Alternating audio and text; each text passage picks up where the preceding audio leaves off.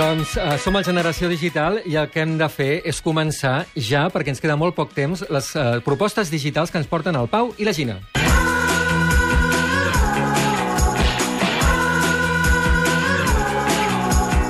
Els favorits de la Gina Tost. You better take your sticky hand.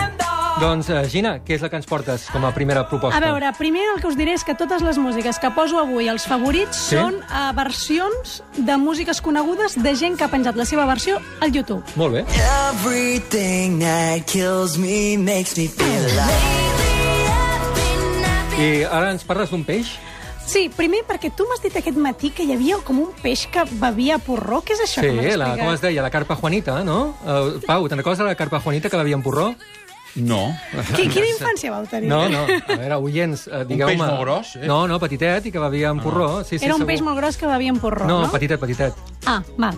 Doncs, a no ho he veure, somiat. És que ets més gran, tu, Albert, no Sí, sé. sí, clar. El que us porto avui és una instal·lació artística d'un peix que és intel·ligent. Hi ha un artista que es diu Adam Den Dror, que el que ha fet és Saps allò que diuen que els peixos en principi només tenen allò 3 Sí. segons de, de memòria? Ell ha pensat, jo vull ensinistrar el meu peix.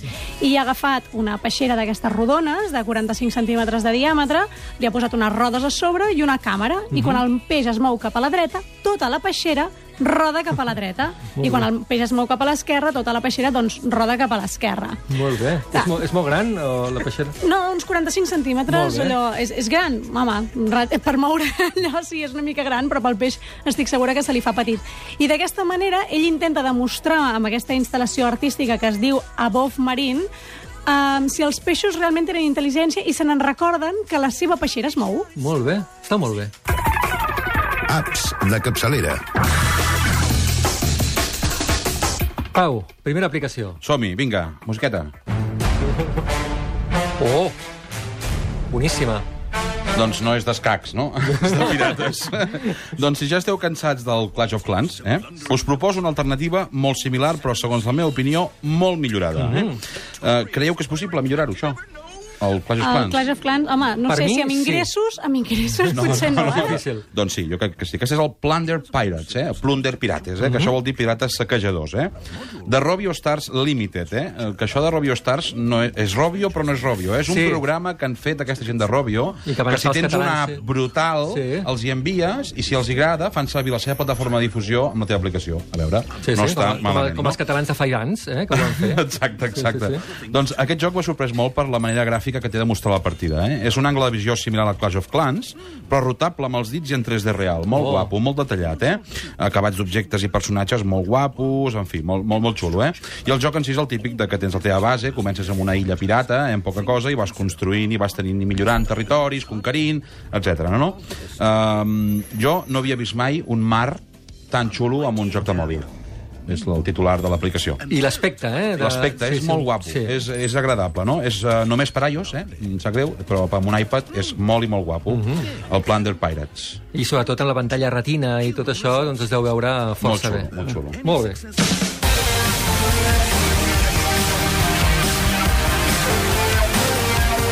Aquest és un artista que sona, que es diu Zambuseta, que no sé si el coneixes, Albert, però No. és un noi que té una botonera i crea Ah, totes aquestes sí. cançons només amb una botonera. A vegades fa coses més electròniques i a vegades amb un piano, com si fos un piano de cua. Uh, és, és al·lucinant. És Fan molta que- ràbia. Sí, fan molta ràbia. Perquè ho fan molt bé, sí, certament. A veure, doncs ara us porto un videojoc, ai, un videojoc, un documental Sí? sobre la gent de Beauty Fun Games, que no sé si els coneixeu, però són els que van crear l'any 2012 el joc de Nilumbra i ara n'han fet una versió per Wii U. És a dir, que en aquest país, quan parlem d'un estudi independent que ha triomfat, sempre es posa... Sempre surt en aquesta conversa Beauty Fun Games, que són una gent molt maca, que fan coses molt interessants, i ahir, eh, dia 3 d'octubre, van treure la primera part d'un documental que deien coses com aquesta. estas ganas y esta ilusión que teníamos.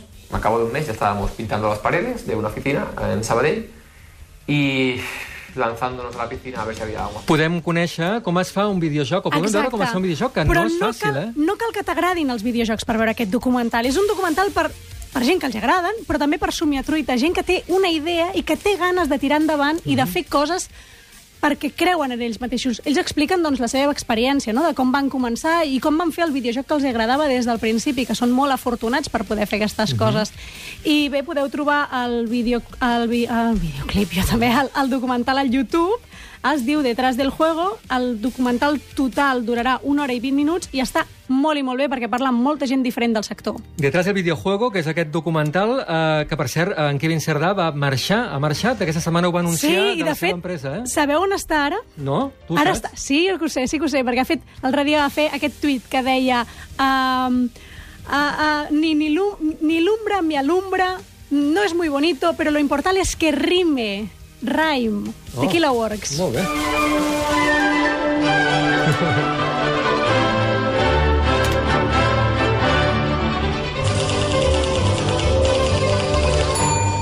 Doncs això que sona és la Typewriter Symphony Orchestra. Sí, amb una un- màquina d'escriure. Una orquestra clàssica de 80 tios o 100, amb un tio que toca la màquina d'escriure a primera fila. És brutal aquest vídeo, mireu-lo. Molt bé, eh? Però eh, quan diem màquina d'escriure, molta gent deu dir sí que em sona, però... no sé." és aquell aparell que no tenia display, ni memòria, ni jocs, ni perifèrics, ni massa res més. Feia cartes, eh? Podies fer cartes Sí, i prou sí, i enviar-les en paper. Em vau tenir de màquina d'escriure o I no? tant, jo vaig tenir una lettera. Lettera. Una lettera que era de color gris. Jo crec que maquíssima. durant una setmana o una cosa d'aquestes ja va arribar un, sí, sí. un Jo encara ordinador. vaig fer treballs, eh? Amb amb màquina, Sí. sí. bueno. Doncs aquesta app és això, eh? És una màquina d'escriure per l'iPad, però de veritat que està molt ben feta. Vull dir, és molt real, menys el, el, la, la pressió dels dits de les tecles és impossible de reproduir, però el so, el, el, quan canvia de línia, que fa el clink, etc. no? Està, està molt bé. És gratuïta, eh? És Hanks, eh? H-A-N-X, Hanks, l'aplicació, i eh, si vols comprar-te altres models de màquines d'escriure Reals, amb sons no? diferents Sí. i amb tipus de lletres diferents en el paper, ho pots fer. I després aquest document te'l pots enviar a Ara. multiplataforma, O sigui, eh? a pots fer- Evernote, a PDF, És per un- mail, per qualsevol cosa. És un Word analògic. Sí, sí, Molt sí. bé. Jolene,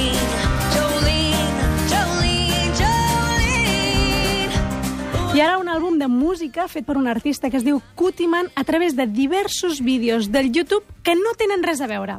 Ah. M'explico. El que ell ha fet és agafar un tempo, allò, un... Sí, el... i agafar doncs, Metrònom. una gent, Gràcies. un metrònom, eh, gent que agafava... eh, però m'has Molt bé, entès, la màgia de la ràdio. um, ha agafat una bateria que feia servir aquell tempo, una persona que estava cantant amb aquell tempo, una guitarra, Oh. i ha creat coses tan fantàstiques com aquestes. Aquí hi ha una, un ukelele i una nena que canta, però que ells en els seus vídeos, uh, un toca l'ukelele en un vídeo que no té res a veure Ah. amb la noia aquesta que canta. Hi han 12 cançons en aquesta pàgina web que es diu um, Through You Too, que la penjarem al, al Twitter i ja veureu que al·lucinareu perquè és, el, de veritat, eh, meravellós com ha rastrejat tota la xarxa per trobar instruments que li quadressin amb el tempo. I, I amb aquest tempo que també té ell per fer-ho, eh? Sí, sí. Doncs una nova entrega, la quarta, eh, d'un joc que no caldria que en tingués més d'una.